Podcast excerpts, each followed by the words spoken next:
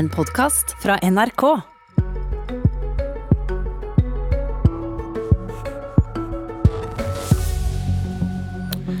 Dette er den snille oppsummeringen av 2020. Norge er uoffisiell mester i pandemihåndtering. Ifølge OECD er Norge blant de landene som så langt har kommet best ut når det gjelder både utviklingen i helse og i økonomien. Dette er den slemme. I 2017 sa Erna Solberg at Høyre er det eneste partiet som har beredskap som en hovedsak. I 2019 får hun en rapport fra Direktoratet for samfunnssikkerhet og beredskap, en rapport hun selv har bestilt. En pandemi er den mest sannsynlige krisen som kan ramme Norge, med rundt 8000 døde. I 2020, sier Erna Solberg, Jeg har aldri trodd jeg skulle mene noe om hvor mange gjester man bør ha i sitt eget hjem på julaften, eller hvor mange meter det må være mellom deg og sidemannen på en fotballkamp.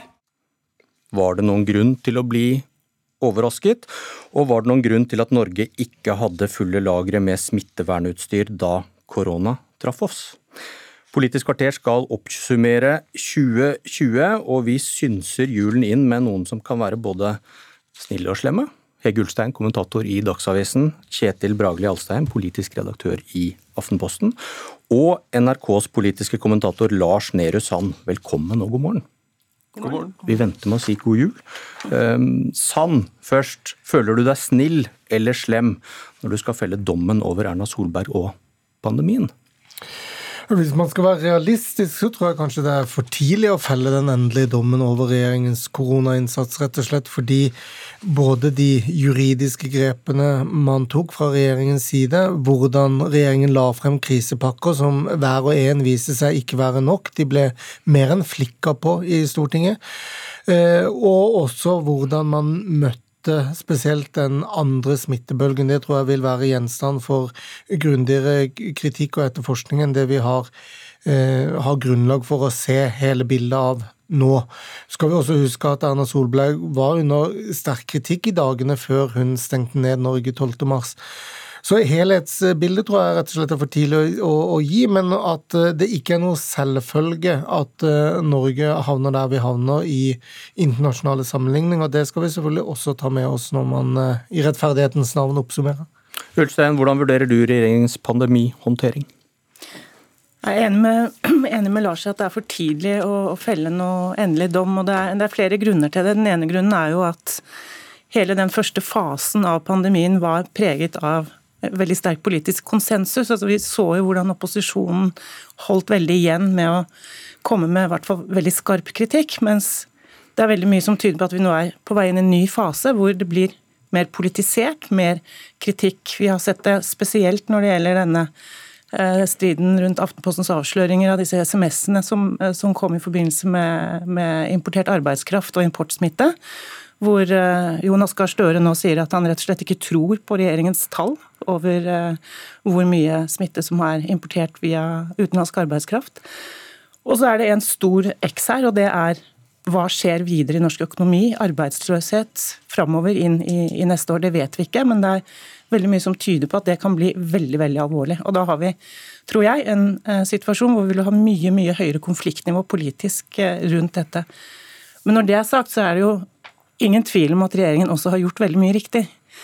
Og de har hatt flaks, de har hatt et oljefond. De har hatt et uh, helsevesen som kanskje ikke hadde disse beredskapslagrene du snakket om, men som likevel har kunnet ta av ganske mye. Så det er veldig mye som har gått bra også. Mye som har gått bra, Alstheim.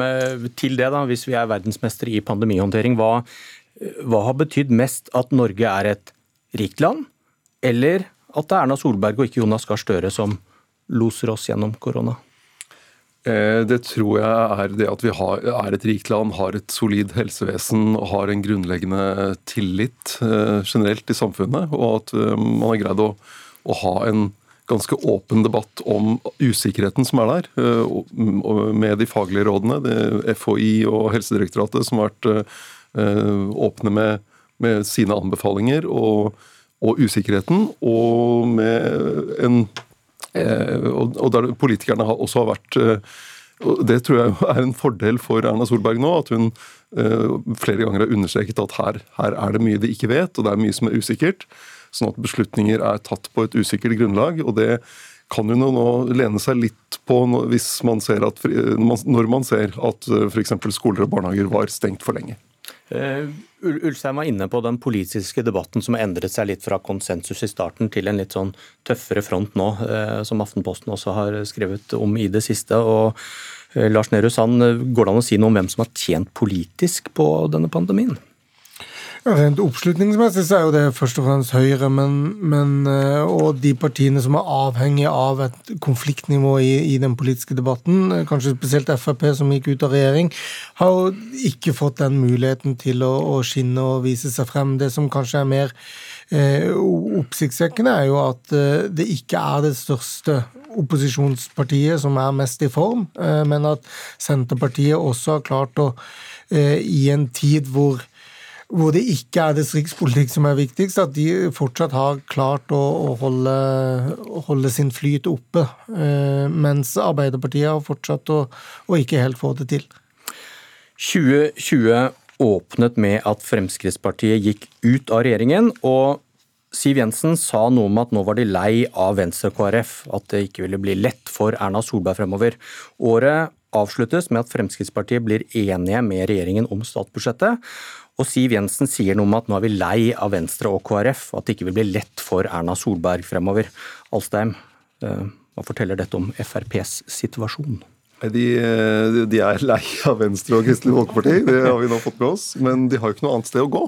Og det er jo problemet her. Hva, hva, mener de med at de er lei av Venstre og KrF? Hva skal eh, Frp da gjøre? Hvem skal de samarbeide med i stedet for å få uh, flertall for, eller få gjennomslag for sin politikk? Senterpartiet? Så, ja, det, det, det, er jo noen som har sendt noen følgere, men eh, det, vel, eh, det virker jo mer som et sånt forsøk på å hente noen velgere tilbake enn, som, eh, enn noe annet.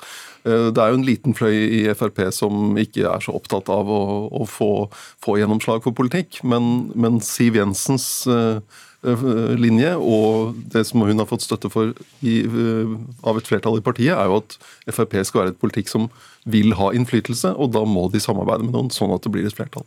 Ulstein, hva hadde skjedd hvis Frp ble i regjering og pandemien kom? Ja, Det er jo et godt spørsmål. Eh, da hadde vel eh, Terje Søviknes vært folkehelseminister. Og um, det er vanskelig å si hva som hadde skjedd som ikke har skjedd. Men sånn som jeg kjenner Frp, så er det vel grunn til å tro at vi kanskje hadde fått en mer eh, polarisert og politisert debatt rundt kontor, øh, koronahåndteringen tidligere enn, enn vi fikk. Fordi, Høyre, nei, fordi Fremskrittspartiet er et parti på ytterfløyen, og helt naturlig også vil da ha en eh, politikk som er lenger unna, unna sentrum. Men samtidig, og samtidig så ville det jo også vært større spenninger internt i regjeringen, vil jeg tro, siden de er lei av Venstre og KrF. Og eh, det spørs om vi hadde fått den den enigheten internt i regjeringen som, som vi tross alt har hatt. Men eh, samtidig så har det vært mye snakk om eh, styringstillegg i en krise. Hvordan kunne det slått ut for Fremskrittspartiet, som jo har slitt på målingene? Altså Det vet vi jo ikke. Det kan jo hende at de, at de hadde kunnet få et uh, styringstillegg. Men, men jeg, jeg, tror nok at de ville ha uh, blitt møtt med en hardere, tøffere kritikk, og også uh, oppført seg mer politisk og mer polarisert enn det, enn det Bent Høie og Erna Solberg har gjort, sånn som, sånn som vi kjenner Frp. da. Sand, hvordan vurderer du Siv Jensens innsats dette året?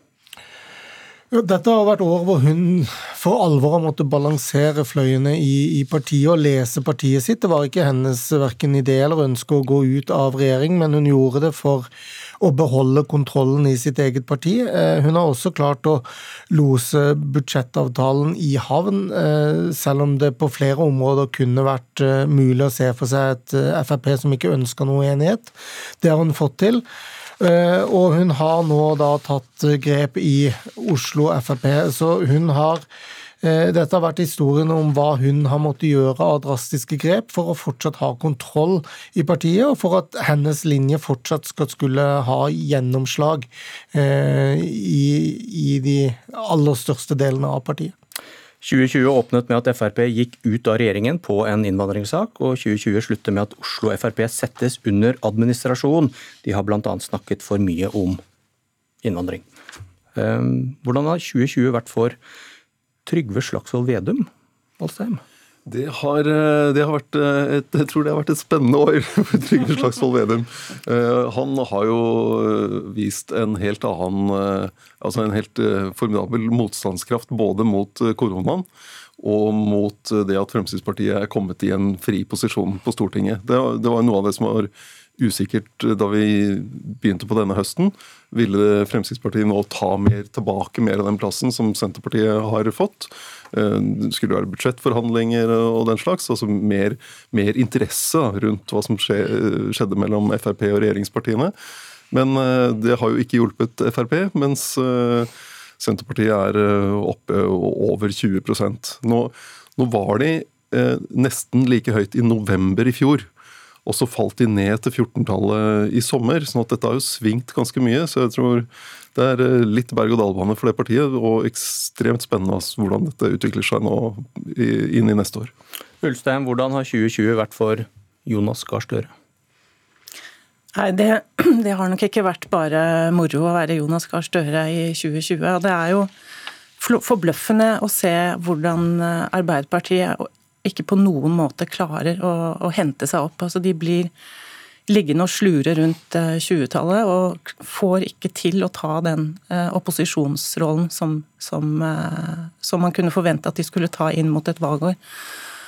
Og så er det jo eh, ganske uoversiktlig på, på rød-grønn side, eller hva man velger å kalle det. Altså, hva skal han gå til valg på som, som opposisjonsleder? Selv så ønsker han et alternativ med Senterpartiet og SV. Det ønsker også SV, men Senterpartiet vil ikke ha med SV. Og så utelukker han eh, MDG og Rødt, eh, som vil inn. Eh, sånn at hva, hva som skal være alternativet det går på valg på, er helt uklart. Og det er til og med uklart hvem som skal være statsministerkandidat. Der vil ikke Senterpartiet svare på om de ønsker å kjøre fram Vedum, eller om de stiller seg bak Jonas Gahr Støre. Så han er i en utrolig utfordrende situasjon. Men det er klart at hvis det blir høy ledighet og eh, økonomien går eh, dårligere, så kan det være et rom for en eh, sterkere opposisjonspolitikk fra hans side. Ja, hva, Sand, hva, hva betyr det for Støre at Senterpartiet nå er like store som Arbeiderpartiet? Det skaper en utrygghet internt, og det gjør noe med maktbalansen på rød-grønn side. Og det viser oss jo at den regjeringen, selv om det skulle bli de samme partiene som danner den neste år, så, så, vil ingenting bli som 2005, når Arbeiderpartiet var klart størst og hadde flertall i regjeringen og fikk dermed også solide politiske gjennomslag. Så det det er også med på å skape den usikkerheten som ingen i Arbeiderpartiet ønsker, rett og slett fordi de vil være den styrende kraften på venstresiden i norsk politikk. Og nå er det et eh, ja, folkeopprør og en medgangsbølge for Vedum som, som også rammer Arbeiderpartiet, og det vil stå en del siste mandater i en del fylker eh, eller valgdistrikt vil handle om kampen mellom de to, som da ikke bare er eh, samarbeidspartnere, men vel så mye konkur direkte konkurrenter. For å samle trådene, hva, hva blir diagnosen på norsk politikk etter et annus horribilis? Holstein? Mm. Nei, hvis du skal ta et stort eh, altså stol, fugleperspektivet, da, så har jo norsk Fugle, Fugleskremselperspektivet. Fugleskremselperspektivet. Så har jo norsk politikk eh, fungert ganske godt i en eh, veldig vanskelig situasjon, med hvordan partiene har Eh, har eh, gått sammen om å lage krisepakker på kort tid. Eh, det politiske systemet har fungert. Man fikk, da regjeringen kom med denne fullmaktsloven, så fikk man innspill fra, fra jusprofessor Graver bl.a., som gjorde at man fikk strammet det inn. Sånn, at, sånn sett har jo altså det overordnet sett norske systemet fungert ganske godt. 15 sekunder, så Lars får 15, han også. Nei, altså jeg, det som jeg synes er altså For det første er det jo historisk at vi har tre partier på 20% og For det andre så syns jeg det er eh, veldig spennende inn mot et valgår at vi har så uavklarte alternativer på begge sider. Altså Det er ganske kaotisk på, på høyresiden med hvem, eh, samarbeidsbildet, og det samme på venstresiden. Så jeg tror det blir eh, en morsom og spennende valgkamp neste år. Start rykkene. du får siste ord, Lars Nehru Sand. Eh, ja, det er jo fire partier som slåss om å ikke rykke ned og komme under sperregrensa neste år. Det blir jo ekstra spennende for de. Og så er jeg enig med Alsheim i at vi tross alt må ta med oss at systemet, embetsverket, politikken har fungert i en ekstrem stresstest i år. Da er det på tide. God jul. God jul. God jul.